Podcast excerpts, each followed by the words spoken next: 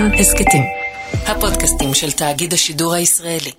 כאן רשת ב' מנחם מנדל בייליס היה מנהל חשבונות יהודי בבית חרושת ללבנים שגבל ביער בפרברי קייב שבאוקראינה שבאימפריה הרוסית.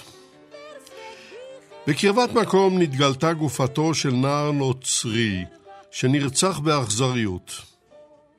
האשם הוטל על מנדל בייליס. כך, לפני מאה ועשר שנים, החל משפט עלילת הדם, המפורסם ביותר במאה העשרים. מנחם מנדל בייליס זוכה לחלוטין בסופו של משפט, שנמשך כשנתיים וחצי, ואולם, אולם שנאת ישראל לא נסתלקה מן העולם. עלילת הדם התחלפה בפרוטוקולים של זקני ציון ובעלילות שקר אחרות.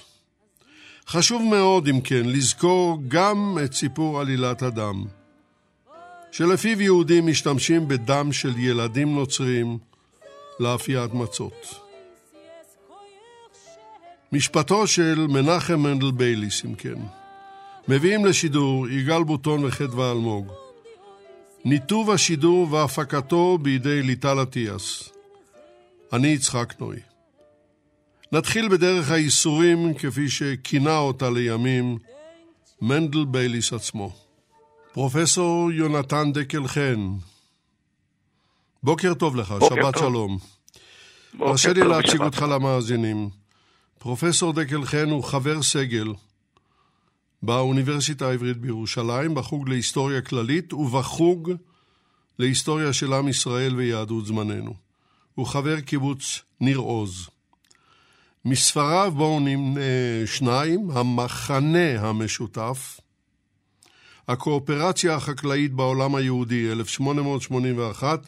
1881-1941, הוצאת מגנס ויד טבנקין, ועם שני עמיתים, פרופסור דקל חן, ערך את הספר Ritual Murder in Russia, רצח טקסי ברוסיה, וההמשך בעברית במזרח אירופה ומעבר להן, היסטוריה חדשה של האשמות ישנות.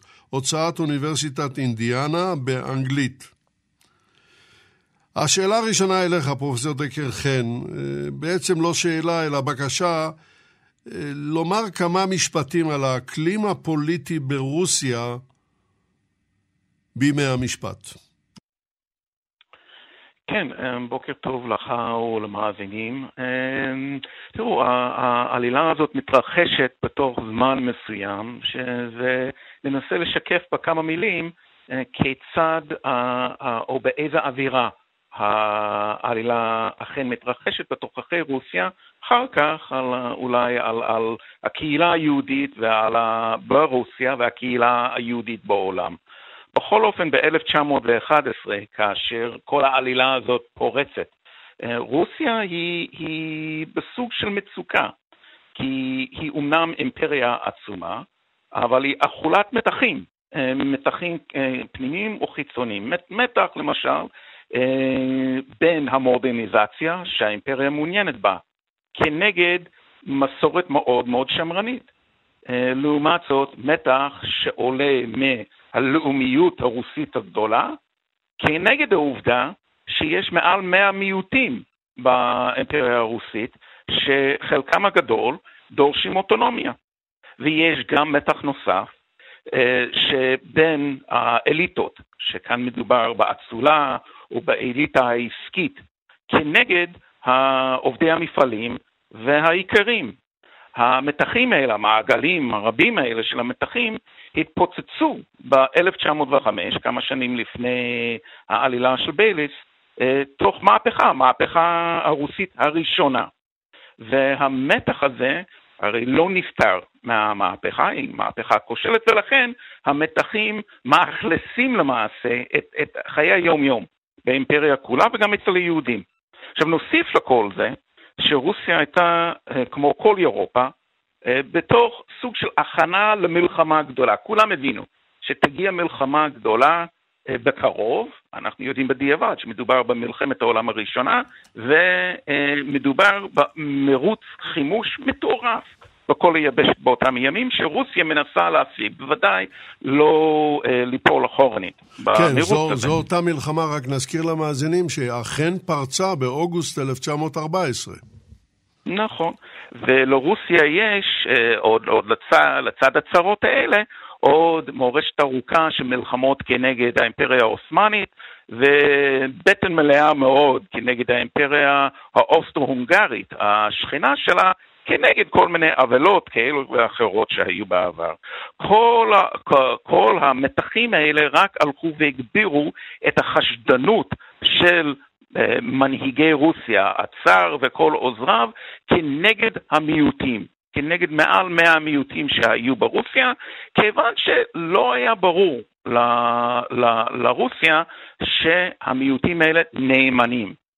ולכן, כאשר נגיע לעלילה, uh, ההנהגה הרוסית תראה כאן סוג של הזדמנות להשתמש בדימוי שמקובל כמעט על כולם, של היהודי הזומם כאויב משותף שאולי יוכל לאחד את כל האומה, את כל האימפריה, לצד האוטוקרטיה הרוסית, הצאר, אה, בימי מצוקה ב-1911. אז אלה התנאים הבסיסיים שאליהם אה, או, או, או איתם מגיעים לה, אה, להתפרצות של העלילה עצמה. טוב, אז עכשיו פרופסור דקל חן יישאר איתנו על הקו, אל תרד, אני רוצה לפנות אל העד, או המומחה השני שלנו, והוא דוקטור נתי קנטורוביץ'. בוקר טוב לך, שבת שלום. בוקר טוב ושבת שלום. דוקטור קנטורוביץ' הוא ראש מחלקת מידע ומחקר בארגון נתיב במשרד ראש הממשלה.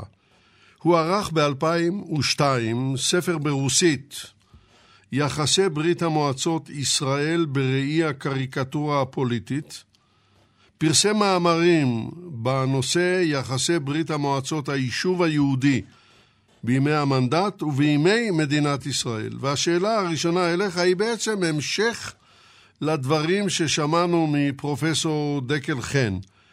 סוגיית עלילות הדם ברוסיה.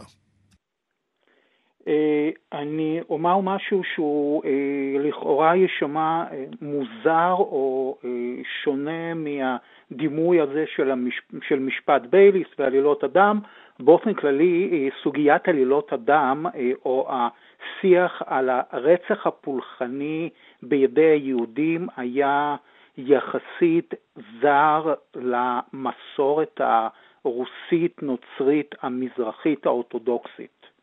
אה, בניגוד למה שאנחנו ראינו במערב אירופה הקתולית, במרחב הפרבוסלבי האורתודוקסי, הנוצרי האורתודוקסי, השיח הזה היה באמת מינורי, אה, אולי מתוך הסיבה המאוד פשוטה שבאמת היהודים לא, לא היו נפוצים. ולכן אה, רק כאשר אה, רוסיה השתלטה על השטחים של, ה, של ממלכת פולין ליטא במהלך המאה, במהלך המחצית השנייה של המאה ה-18, אה, יחד עם האוכלוסייה היהודית היא גם קיבלה את אותן האמונות שהיו מאוד נפוצות בחלקים האלה של פולין, ולכן לא פלא שכמה שנים לאחר החלוקה הסופית של פולין, ב-1799 באמת התרחשה עלילת הדם הראשונה בדיוק באזורים האלה, לא רחוק מויטפסק, אה, בלרוס של ימינו, ובאמת אה, מאז במהלך המאה 19 היו לא מעט עלילות דם אה, בשטח, שתחת השליטה הרוסית. אה, בין המפורסמים אה, באמת היו עלילות הדם בעיר וליש ב-1823, הייתה עלילת דם מאוד גדולה, ואגב היחידה שהמשפט בה הסתיים בהרשעה בעיר סרטוב כבר בתוך פאתי רוסיה, אה, סליחה, ברוסיה רבתי, אה, כאשר מספר יהודים, וביניהם גם אה, מומר אחד, הואשמו ברצח ונדונו לתקופות מאסר ארוכות, הייתה עלילת דם בגיאורגיה בסוף שנות ה-70 של, המאה, של המאה ה-19.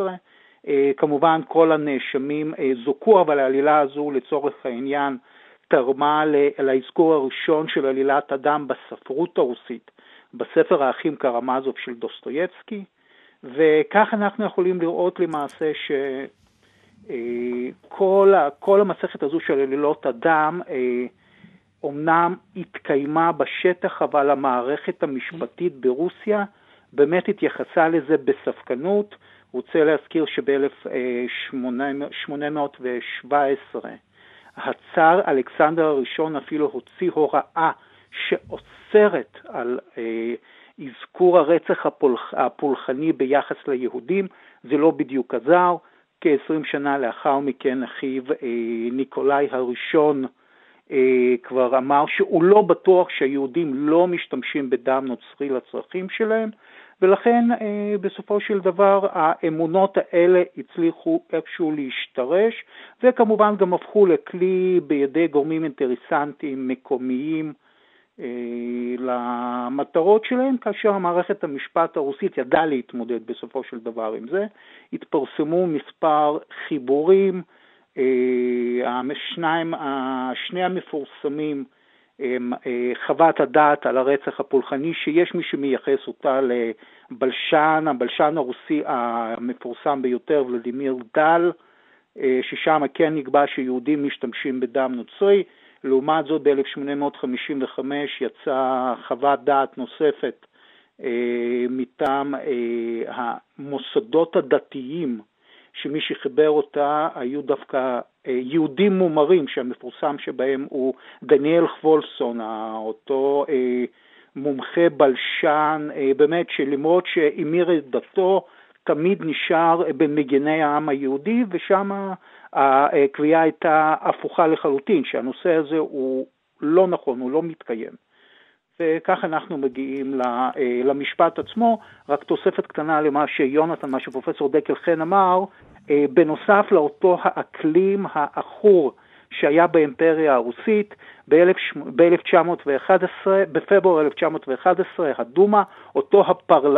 מעין פרלמנט שהתקיים באימפריה הרוסית, אה, התחיל גם דיון על מתן זכויות ליהודים. הדיון הזה אה, הפך להיות אלים, אה, מאוד אגרסיבי מכל הכיוונים, כאשר הצד הימני של המפה הפוליטית ברוסיה התנגד לכך בכל תוקף, ולכן גם היה נחוץ איזשהו אירוע שבאמת יראה שמתן הזכויות ליהודים הוא מיותר, הוא לא נחוץ, והוא גם לא, גם יהודים לא זכאים לזה. ולכן כל זה באמת בסופו של דבר הביא לאותה עלילת הדם הידועה שבה אנחנו עוסקים היום. כן, אז בוא המתין גם אתה על הקו, אני רוצה לעבור למומחה השלישי, אבל לפני כן לציין לטובת המאזינים שגם הסופר דוסטויבסקי וגם הצאר האחרון, ניקולאי השני, היו, איך נגיד בעדינות, אוהבי יהודים קטנים מאוד, קטנים מאוד. עכשיו אני רוצה לעבור אליך, דוקטור מרדכי יושקובסקי. בוקר טוב לך, שבת שלום. בוקר טוב, שבת שלום. ובכן, דוקטור יושקובסקי הוא המנהל האקדמי של המרכז הבינלאומי ליידיש שליד הקונגרס היהודי העולמי. והשאלה שלך, אה, שלי אליך, כהמשך לדברים ששמענו, הוא אה, ספרו של שולם עליכם מ-1912, דר בלוטיקה שפס, והמחזה שנכתב בעקבותיו, שזה שוורץ צוזיין היד, והקשר שלהם למשפט בייליש, עם כמובן תרגום לעברי שלך, לעברית שלך. בבקשה. אה, כן. אה, אנחנו יודעים הרי ששלום עליכם, חלק אה, גדול מחייו חי בקייב. זאת אומרת, הוא עזב את קייב ב-1905 בעת פוגרום ומאז הוא לא חזר לעיר הזאת, אבל קיבל מאוד מאוד קרוב ללב אה, את כל מה שהתרחש בעיר הזאת. וכאשר התחילה עלילת הדם ב-1911, הוא, הוא אה, נמצא באיטליה, בקפרי, במרפא, אה, קיבל מחלת כליות, והוא ממש היה מרותק לחדשות מעירו, לעיתונים, וכאשר התחילה אה, עלילת הדם, הוא פנה לחבריו, למקסים גורקי, שהיה ידיד אישי שלו מאוד קרוב, לסופר ופובליציסט אמפיתיאטרוב, לסופר אה, ולדימיר קורלנקו, וביקש אה, להרים מהומה בקרב הציבור התרבותי והאינטלקטואלי ברוסיה על מנת למנוע את השואה הזאת. זאת אומרת, שלום עליכם ממש התייחס לעלילת הדם הזאת כאל שואה אה, אפשרית. והוא מחליט לעשות מעשה, זאת אומרת, אה, הוא כותב רומן במשך שנתיים, שנקרא דר בלוטיקר שפס מהטלת הדם, והוא כותב לעורך... מהטלת, מהמילה מהטלה, בדיחה. כן, כן. מהטלת דם, כן. כן, והוא אור, אמ, כותב לעורך של עיתון היינט בוורשה, אה, כותב ממש במילים האלה. In dem Roman habe ich hereingelegt dem ganzen Saft und Kraft, dem ganzen Blut und Mark von meinen Beinen. השקעתי ברומן הזה את כל המיץ ואת כל כוחי, את כל דמי ואת כל מח עצמותיי.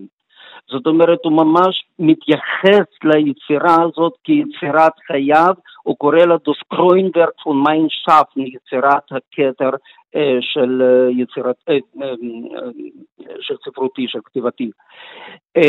ברומן, זאת אומרת, יש, היו, היו ויכוחים בין מבקרי ספרות, האם זה רומן היסטורי או לא היסטורי. כמובן שהוא משנה שם שמות, אבל הוא מתאר בצורה ממש מדויקת את האווירה ברוסיה שהייתה אה, בתקופה ההיא.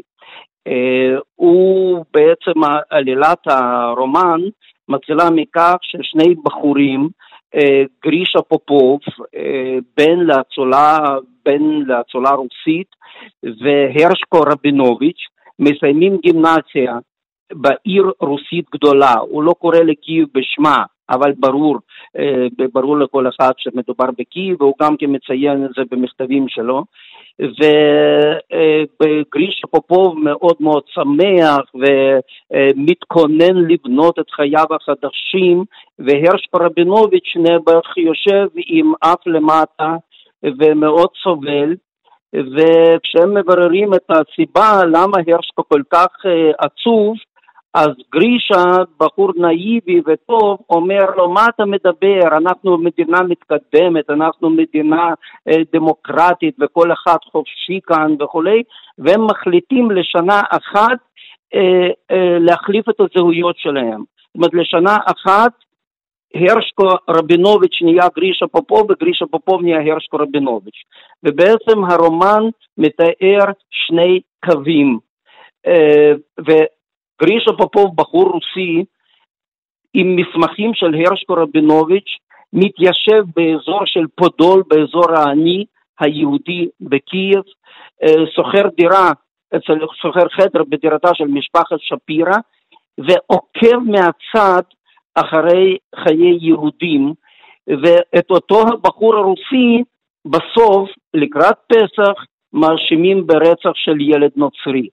כך שלום עליכם, בעצם מבטא את האווירה הזאת. עכשיו, כשהוא אה, אה, מסיים את הרומן במרץ, את הכרך השני במרץ 1913, אה, הוא עדיין לא יודע מה יהיה במשפט. זאת אומרת, הרומן מהווה מעין זעקתו אה, נגד השואה האפשרית. הוא בהחלט התייחס לעניין בשיא הרצינות, ובא ברומן הזה להתריע שהולכת להיות כאן טרגדיה. כן, זה הסיפור. והקשר של המחזה, קשה להיות יהודי, כן, פשוט המחזה יותר ידוע אולי מהרומן, כי אחר כך הרומן הומחז, והמחזה הוא עלה פעמים רבות, בשפות רבות, אה, גם כן בישראל בטלוויזיה, אה, שם יש שמות קצת אחרים, שם פופוב ורבינוביץ' הם הופכים לאיבנוב ושניארסון, אבל בעצם זה אותו הסיפור, אותה עלילה, פשוט זה הותאם לצורכי התיאטרון, צורכי הבמה. ברור. אז בואו גם אתה, דוקטור יושקובסקי, תמתין על הקו, כי אני רוצה לחזור אל פרופסור יונתן דקל חן. אתה דיברת, פרופסור דקל חן, על האקלים הפוליטי ברוסיה, והזכרת את מאה, כמאה, המיעוטים שהיו שם. עכשיו כמה מילים על מעמד היהודים שם באותן שנים.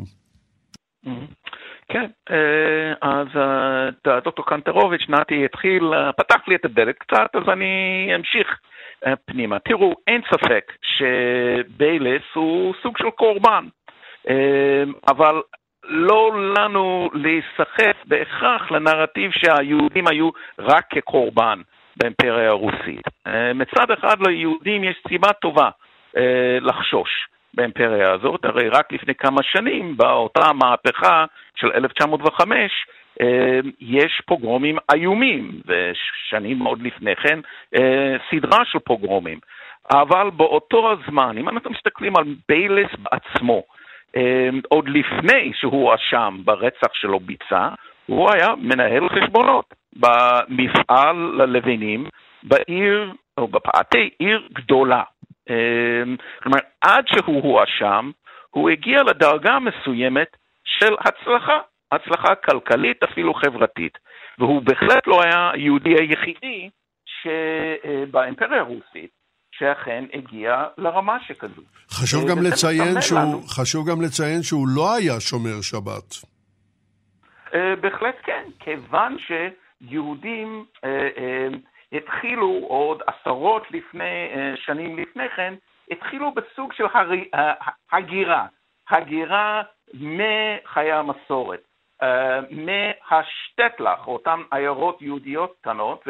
והנה יש לנו דוגמה בביילס, דוגמה מתוך מאות אלפי יהודים שהיגרו בתוככי רוסיה מהעיירות היהודיות קטנות לערים הגדולות, כקייב ויש עוד רבים. עכשיו, אה, זה חלק קטן, יש עוד חלק גדול מאוד שמהגר החוצה. הרי עד שביילס הואשם, אה, יש בוודאי מעל מיליון יהודים באימפריה הרוסית שכבר היגרו החל משנות ה-80 של המאה הקודמת, של המאה ה-19, החוצה. עכשיו, חלק קטן מהם הגיעו בעליות הראשונות, הראשונה והשנייה לארץ, אבל רובם הגדול כמובן יצאו לעולם החדש, כלומר לאמריקות בעיקר ולעוד כמה מדינות במערב. אז אה, זה דבר אחד שחשוב לנו לזכור, הדימוי, ש... הדימוי הכללי שלנו על היהודים באותו הזמן.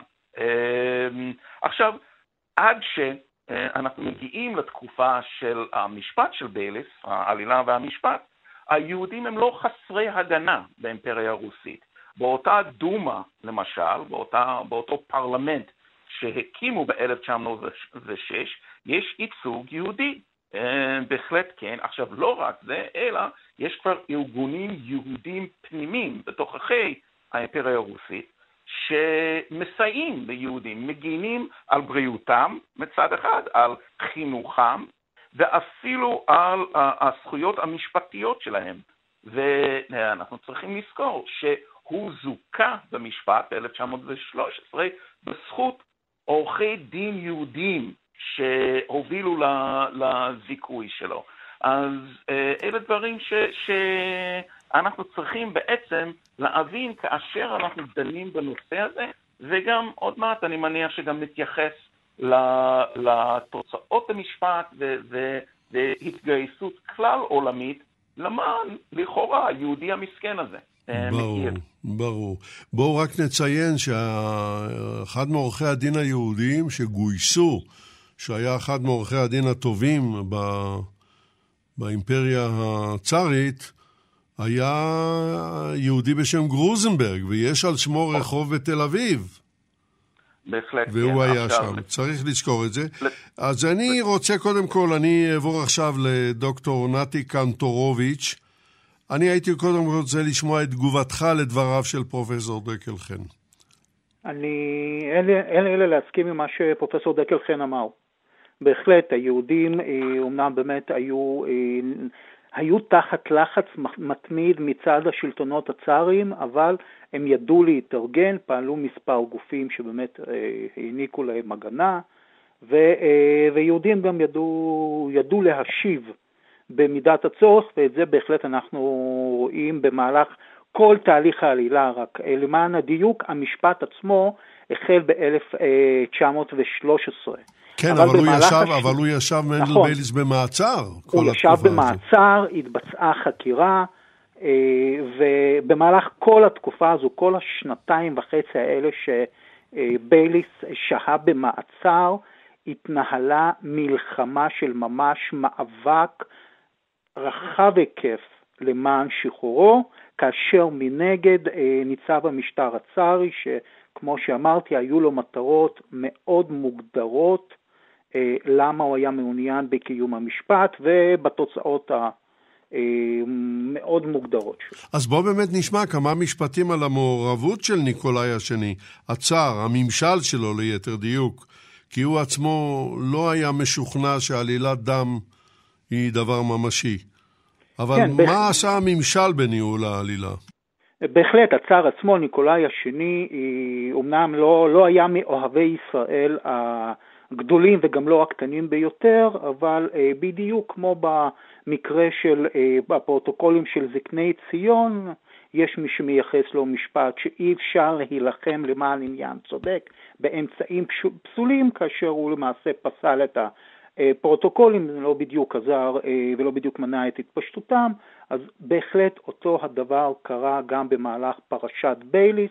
הוא עצמו ניסה לשמור על איזשהו ריחוק מסוים מכל המתרחש, מה שאי אפשר לומר לגבי אה, השרים הבכירים שלו, המפורסם שבהם הוא איוון שגלוביטוב, השר המשפטים של רוסיה, אה, דמות אה, מאוד מוכרת, מאוד ידועה, באמת אנטישמי גדול מאוד, גם בתפקידיו הרבים דאג לסלק יהודים מכל התפקידים, לרבות השירות הממלכתי, והוא גם זה שבסופו של דבר ניסה להוביל את המשפט לתוצאה הרצויה, קרי הרשעתו של אה, מנדל בייליס אה, ברצח פולחני. אבל למעשה אה, העניין של הרצח הפולחני לא עלה מלכתחילה. כלומר, הגופה, הגופה של הנער אנדרי יושינסקי אותרה ב-20 במרץ, נרצח ככל הנראה שבוע עד שמונה ימים קודם לכן, ורק כחודש לאחר מכן הנושא של הרצח הוכנס למהלך החקירה, מה שכמובן לא הפריע לכל התקשורת, העיתונות הלאומנית אה, לדבר על כך אה, כל התקופה הזו, גם במהלך הלוויה, אה, טקס הקבורה של אותו הנער, הופצו כרזות שקראו לפוגרום של ממש כנקמה על מעשה הרצח. אז בוא נגיד אולי כמה מילים קצרות על דמותו של פסיכיאטר מאוד נודע, שהוא האבא של סיקורסקי, יצרן המסוקים האמריקני. אה, תראה, תראה היו, היו, כל, היו כל מיני אה, עדים, אני דווקא לא, הייתי מעדיף לא, לא, לא להתמקד בו, כי הוא באמת אה, היה בין האנשים שבלטו במהלך המשפט, אבל היו אנשים אחרים, היו בעלי עמדות אחרות שהשפיעו רבות על המתרחש. אה, למשל, אה, אותו הכומר הליטאי שהובא למשפט כמומחה והתברר כשקרן פתולוגי, אגב גם היה ידוע אה, ככזה לאורך כל, ה, כל החיים שלו, בגלל זה הוא גם גורש למרכז אסיה. ואגב, פה נושא מאוד מעניין אה, הוא אה, העמדה של הכנסייה האורתודוקסית, הכנסייה הרוסית האורתודוקסית, שהעדיפה לא, לא לתפוס צד.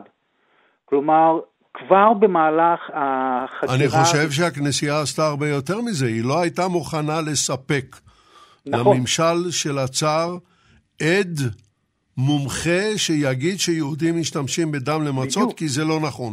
בדיוק, בדיוק, בגלל זה גם היה צריך אה, להביא את הכומר הזה פרנאייטיס. יתרה מזאת, כאשר אה, פנו לסגן המטרופוליט, לסגן ראש הכנסייה באוקראינה, והציעו לו לפרסם כרוז כנגד היהודים שרצחו נער נוצרי, הוא סירב. בפירוש סירב כי אמר שהנושא של אה, רצח פולחני הוא אה, בדיה, ואין הוכחות שהיהודים אכן עושים זאת. כן. אז אה, בואו נעבור ל, לרגע לדוקטור מרדכי יושקובסקי. שוב, אנחנו חוזרים אליך ב... אני כן. הפעם רוצה לשמוע על תפקידו של עיתונאי מאוד ידוע אז, משה יוסטמן, שבנו בישראל הפך להיות העורך הראשי של מעריב לימים. אה, כן, אה, משה יוסטמן, שהיה ידוע תחת שמות עט שלו, אה, או איצ'לה, או בית יאוש זון. הוא היה אחד המייסדים בעצם של העיתונות היהודית בוורשה. לימים הוא הגיע לישראל, הצליח לברוח בתקופת השואה ונפטר כאן בתל אביב ב-1942. יוסטמן אה, פשוט סיקר בעיתונות אה, ביהודית בוורשה את משפט אה, בייליס, אבל הוא כתב בצורה מאוד סאטירית והתייחס אליו, והתייחס אל המשפט ולהתרחשויות בצורה פילייטונית. וכאשר בייליס כבר מגיע, לדוגמה, משפט נגמר והוא מגיע לארץ ישראל ואחר כך לאמריקה, זאת אומרת, משה יוסטמן השתמש במשפט בייליס כאל דוגמה של חולאים של החברה היהודית, דווקא בקרב החברה היהודית. זאת אומרת, תוך כדי המשפט ואחרי המשפט אה, הוקמו קרנות ונוצרו התארגנויות ואספו כסף על מנת לשקם את בייליס ולעזור לו. וכל הקרנות האלה התמוססו, וכשבייליס הגיע לארץ ישראל, אז בעצם הוא רעב כאן ללחם, והוא מספר את זה בספרו, ואחר כך שהוא כבר הגיע לאמריקה, וכבר שם אה, התארגנו, אה, התארגנו יהודים אה, למענו ועזרו לו לפתוח בית דפוס, אז הוא התחנן שיביאו לו כי גם שם הוא סבל נורא. ויוסטמן ב-1923 כבר כותב פלייטון כזה, דער מנחם מענדלדיקער מענדל, זה מעין פרפרז על שלימזלדיקער מענדל, והוא פשוט, יוסטמן מטיל ביקורת חריפה מאוד על העם היהודי במקרה הזה, ואומר דבר מאוד, מאוד חריף. אומר שכל יהודי אצלנו הוא כמו ספר פתוח, הוא משכמו ומעלה, אבל עם יהודי כקולקטיב, לצערנו, יש לו המון המון לשפר וללמוד ולפתח, ואת גורלו של בייליס זו אחת הדוגמאות הקלאסיות לכך. כן. אני חוזר אליך, פרופסור דקל חן, ואני רוצה, אם אתה מוכן להוסיף, כי דמותו של אה, סיקורסקי, פרופסור סיקורסקי הפסיכיאטר, אה, די מעוררת תדהמה, איך האדם הזה, בנו כאמור ברח אחרי עליית הקומוניסטים והתחיל לבנות מסוקים בארצות הברית.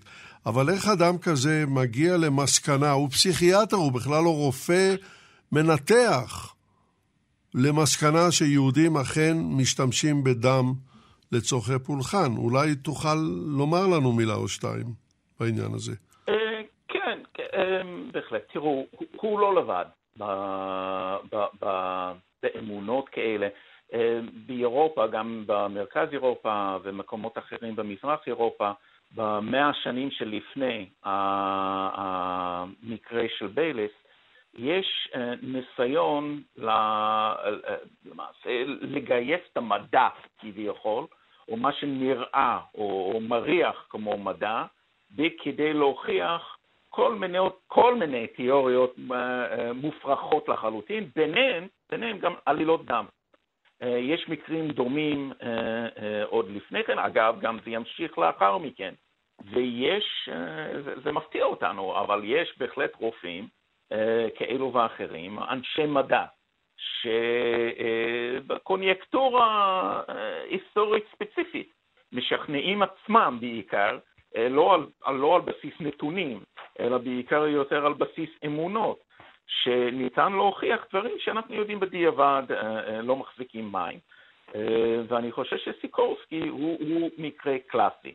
מכאן אני רוצה גם להוסיף עוד איזושהי זווית. דיברתי מקודם על התפקיד, או בעצם ההליכה הצידה של הכנסייה האורתודוקסית הרוסית, בכל הפולמוס שהתעורר סביב המשפט.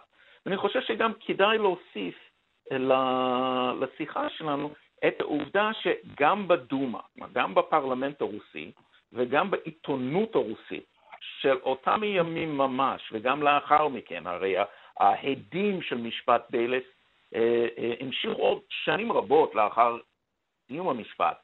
יש משקל זהה, אם לא גדול יותר, דווקא של קולות ליברליים של רוסיה, גם של פוליטיקאים רוסים וגם עיתונאים רוסים לא יהודים, שתמכו מאוד בביילס, אבל בעיקר, בעיקר מה שעניין אותם זה לא צדקתו של ביילס או בהכרח החפות של היהדות, אלא מה שהמשפט הזה סימל עבורם, שרוסיה צועדת בכיוון הלא נכון. רוסיה, אם היא רוצה להיות חלק מחברת האומות, כן, במדינה מודרנית, היא חייבת לדחות אה, בכל הכוח אה, את כל הסממנים האלה של מאה הביניים אה, כעלילת הדם. ברור, אז הם, אתה... הנקודה הזאת מובנת, פרופסור דקל חן, ואתה גם דיברת מקודם על ההתארגנות בעולם כנגד עלילת הדם הזאת. אבל אני רוצה להתמקד בייחוד בהתארגנות בארצות הברית וביהודי ארצות הברית. האם באותה תקופה הם כבר רוב היהודים בעולם? לא, עדיין לא, עדיין לא. אה, הם לא, אבל יש כבר תפוצה מאוד גדולה.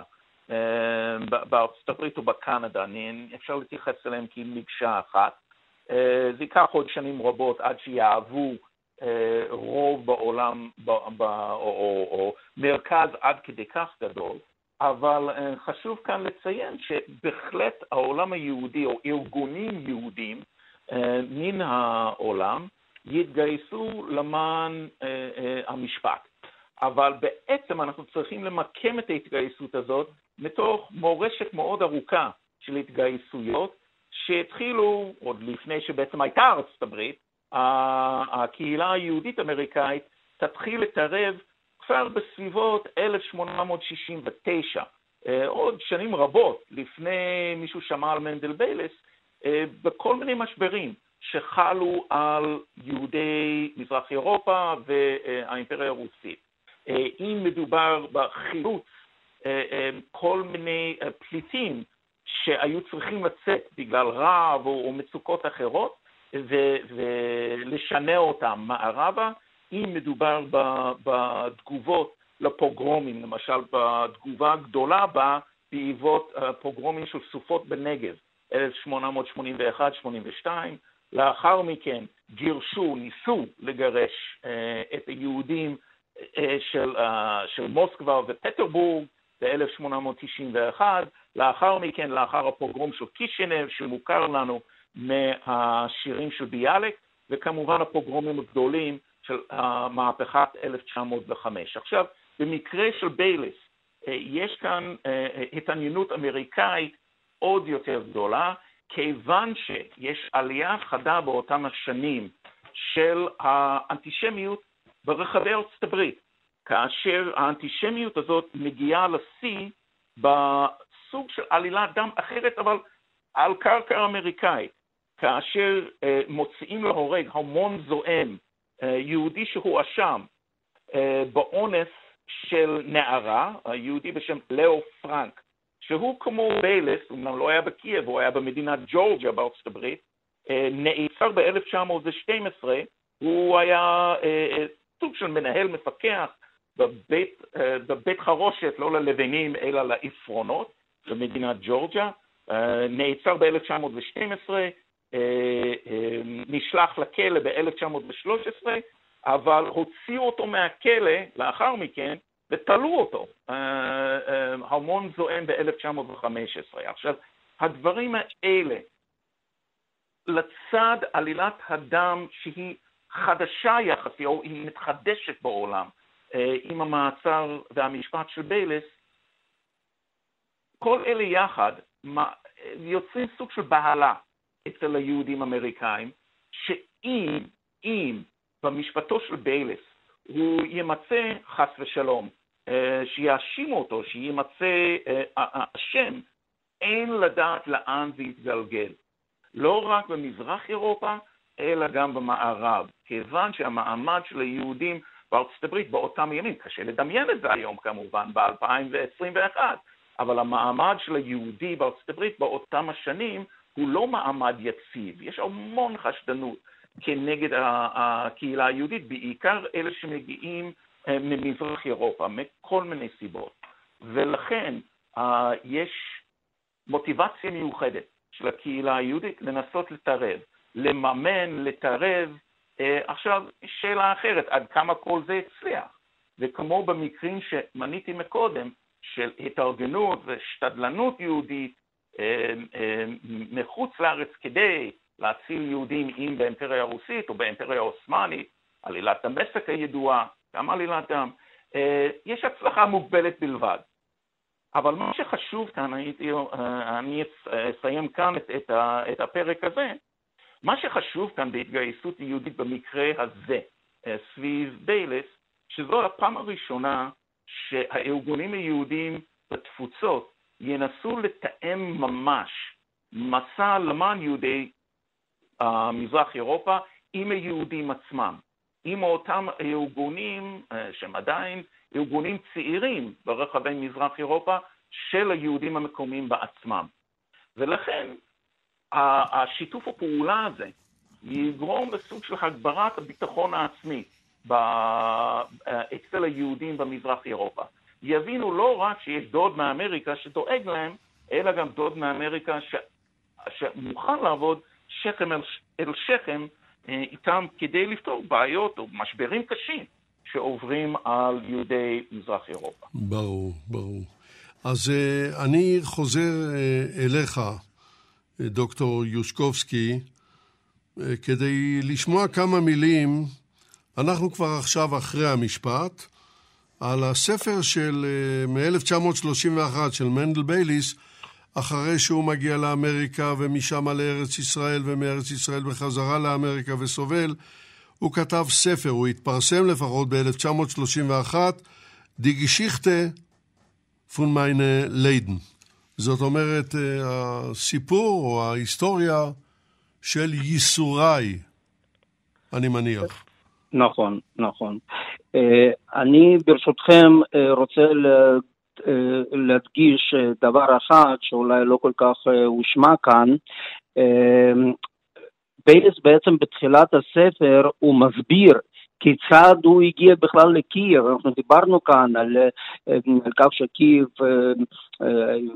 התיישבות הייתה יהודית בקייב וכולי, אבל בספרות היהודית קייב תוארה אולי כעיר הכי קשה, הכי קשה ל, ליהודים.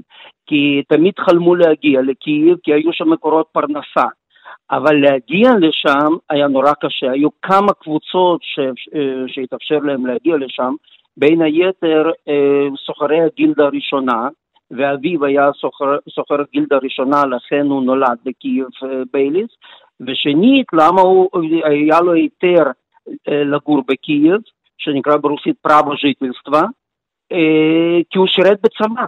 בעצם הוא הגיע לקייב והתחתן שם וחזר לשם אחרי ששירת בצבא, אחרת הוא לא היה יכול להימצא שם. אה, ובייליס אה, בתחילת הספר מסביר איך הוא הגיע לשם, והקוזן שלו, בן דוד שלו, היה מזכיר של אוליגרך יהודי דאז, זייצב, וזייצב הזה בנה בית חולים יהודי בית חולים יהודי לאנשים, ליהודים אה, עניים, בכלל אנשים עניים. ובית החולים הזה היה צריך איזושהי קרן קיימת, ובעצם זייצב מחליט לבנות בית חרושת ללבנים ליד בית החולים היהודי, וכך בייליס הוזמן על ידי בן דוד שלו להתיישב שם באזור הזה שנקרא לוקיאנובקה, ולהיות uh, מנהל עבודה בבית חרושת הזה. עכשיו, הוא כמובן בספר מתאר את כל המשפט ואת כל ההתרחשויות. הספר נכתב, נפתח בפנייה מאוד מאוד מרגשת של הרב קוק, והרב קוק ממש פונה ליהודים בבקשה לקנות את הספר ולהפוך אותו לחלק בלתי נפרד מארון הספרים היהודי. והרב קוק קורא לביילי שם המעונה הקדוש שלנו, אונזר היליקר מרטירר. אה, אבל מעניין מאוד איך ביילס מתאר את התרחשויות אחרי השחרור. אה, כפי שאמרתי קודם, אספו קרן אה, למענו, והוא עם משפחתו יצא לטריאסט, משם דרך אלכסנדריה הגיע לארץ ישראל. וקיבלו אותו כאן בסבר פנים יפות, ונאבקו עליו אפילו תל אביב ירושלים, הוא התיישב בתל אביב, אבל יהודים מירושלים שלחו אה, משלחת אליו וביקשו אה, שהוא יעבור לירושלים, אמרו מירהום נייך דוח אויס גוויינט בין קויסל המערובי, אנחנו בכינו עליך אה, ליד הכותל המערבי. אה, ואחר כך מתחילה מלחמת העולם הראשונה. והוא מתל אביב גורש לפתח תקווה, והיו לו פה קשיים אה, נוראים, הוא ממש רעב ללחם, ואחרי זה, אחרי תשע שנים, הוא אה, נוסע לאמריקה, וכפי שאמרתי קודם, גם שם לא היה לו קל. ובהחלט, בהחלט הספר מתאר ייסורים של אדם על לא עוול בכפו, אה, שסבל כל החיים, והוא גם כן אה, מת יחסית אה, די צעיר בעיירת נופש אה, ליד ניו יורק. הספר התפרסם בעיקר כבר אחרי מותו, זאת אומרת הספר נכתב, שלוש שנים לפני מותו, אבל נהיה יותר פופולרי אחרי מותו. ברור, ברור. תודה לך, דוקטור יושקובסקי. דוקטור קנטורוביץ', איך נראה לדעתך המשפט ההוא הרחוק? איך הוא נראה היום? באוקראינה, ברוסיה, בעולם? מה, מה דעתך? אז רק משפט אחד כדי להמחיש עד כמה שהחברה הרוסית באותה תקופה הייתה מפולגת. אחד מעורכי דינו של בייליס אה, היה וסילי מקלקוב. אחיו ניקולאי היה שר הפנים של רוסיה, מפקד המשטרה, שלמעשה היה בין האחראים למעצר ולמשפט. כלומר, זה משהו שבאמת מדגיש עד כמה שהחברה אה, לא, עד כמה שהגישה לא הייתה אחידה. לא רק התקש... העיתונות הליברלית הפרוגרסיבית דיברה בזכות בייליס. וסילי שולגין, שבשנות ה-20 הפך לאלה שלמעשה יצרו את המיתוס של המהפכה הבולשביקית כהצלחה יהודית, דווקא אה, במהלך הפרשה כולה היה זה שיצא להגנתו של בייליס. כלומר, כל הנושא הזה הוא באמת לא, לא היה אחיד. גם בימינו, לצורך העניין באוקראינה, דווקא לצד האוקראיני הרבה יותר קל להתמודד עם המסורת של המשפט, כי למעשה אוקראינה ורוסיה היום כידוע נמצאות ביחסים לא טובים, ולכן באוקראינה באמת מאוד קל להגיד שמדובר במורשת של השלטון הרוסי, ובאמת לא מתייחסים, כי בהחלט מי, ש... מי שהיה מעורב בזה היה השלטון המרכזי בסן פטרבורג הבירה, שלמעשה כל ההנחיות הגיעו משם. ברור, ובואו בוא גם נציין שראש ממשלת אוקראינה היום הוא יהודי. הנשיא. גם ראש הממשלה הנשיא, הקודם כן. היה, כן, גם כן. ראש הממשלה הקודם היה יהודי. אה, ולעומת זאת ברוסיה, דווקא בשנה האחרונה, ב-2020, דמותו של אותו אה, איוון שצ'גלוביטוב, אותו שר המשפטים, האדריכל של המשפט, זוכה לעדנה. אה, במחוז מולדתו בריאנסק, במחצית השנייה של 2020, הוקם פסל לכבודו, והפסל הזה מוקם לא על ידי איזושהי התארגנות ציבורית, הפסל הזה מוקם מטעם הפרקליטות הכללית של רוסיה, כלומר, אה, כל הנושא של המעורבות הפסולה של אותו אדם, שלאחר המהפכת פברואר 1917 נעצר, הוא עמד לדין, וככל הנראה גם היה מורשע על עולי. על עולי המהפכה הבולשביקית, אמנם הבולשביקים היו אלה שהוציאו אותו להורג, אבל אותו אדם שבאמת היה מעורב אה, בצורה מוחלטת בביום המשפט, בקידום המשפט, בחתירה כן. לתוצאה, היום הופכת להיות לדמות מקובלת, הקהילה היהודית ברוסיה מחתה על כך ללא הצלחה. טוב, מה אני אגיד לכם? זמננו לצערי הגדול הולך ואוזל, ואנחנו הגענו לשלב השאלה הזהה. אין לנו ברירה, היו לנו כל כך הרבה דברים לומר ולא נספיק. אה, דוקטור קנטורוביץ', מה היית מבקש שהמאזינים ילמדו מהשידור? אה, זיכויו ושחרורו של בייליס הם למעשה אה, תוצאה של ליכוד השורות ועבודה משותפת. והביחד הזה חשוב בעתות משבר, וכמו שאנחנו רואים גם בימינו. תודה רבה, דוקטור קנטורוביץ'. מה היית מבקש שילמדו מן השידור, דוקטור מרדכי יושקובסקי? אה, אני חושב שחשוב ללמוד שבכל דור אה, קמים לרעתנו, והמרפא לך זו האחדות בינינו. כן, תודה רבה גם לך. מילה אחרונה שלך, פרופסור יונתן דקלחן. כן, אה, אני אוסיף שלדעתי החיים בתפוצות לפני השואה היה סיפור של חיים של יהודים, לא רק דיכוי וטרגדיה. אנחנו בארץ חושב שכדאי לכולנו לשים יותר לב לכיצד יהודים בתפוצות חיו, ולא רק כיצד שהם מתו או כיצד הם ברחו מן המוות, אלא בואו נתמקד יותר באיך שחיו באמת. תודה רבה, פרופסור יונתן דקל-חן.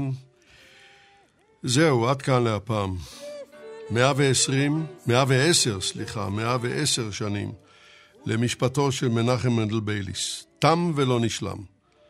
עלילות קשר נגד יהודים עוד ישובו ויצופו, אם במסווה זה ואם במסווה אחר, אין בכך ספק, כל ספק. נוסיף וניאבק בהן ככל יכולתנו, ההיסטוריה לא משאירה לנו ברירה. משפטו של מנדל בייליס הביאו לשידור יגאל בוטון וחדווה אלמוג. ניתוב והפקה ליטל אטיאס. אני יצחק נוי.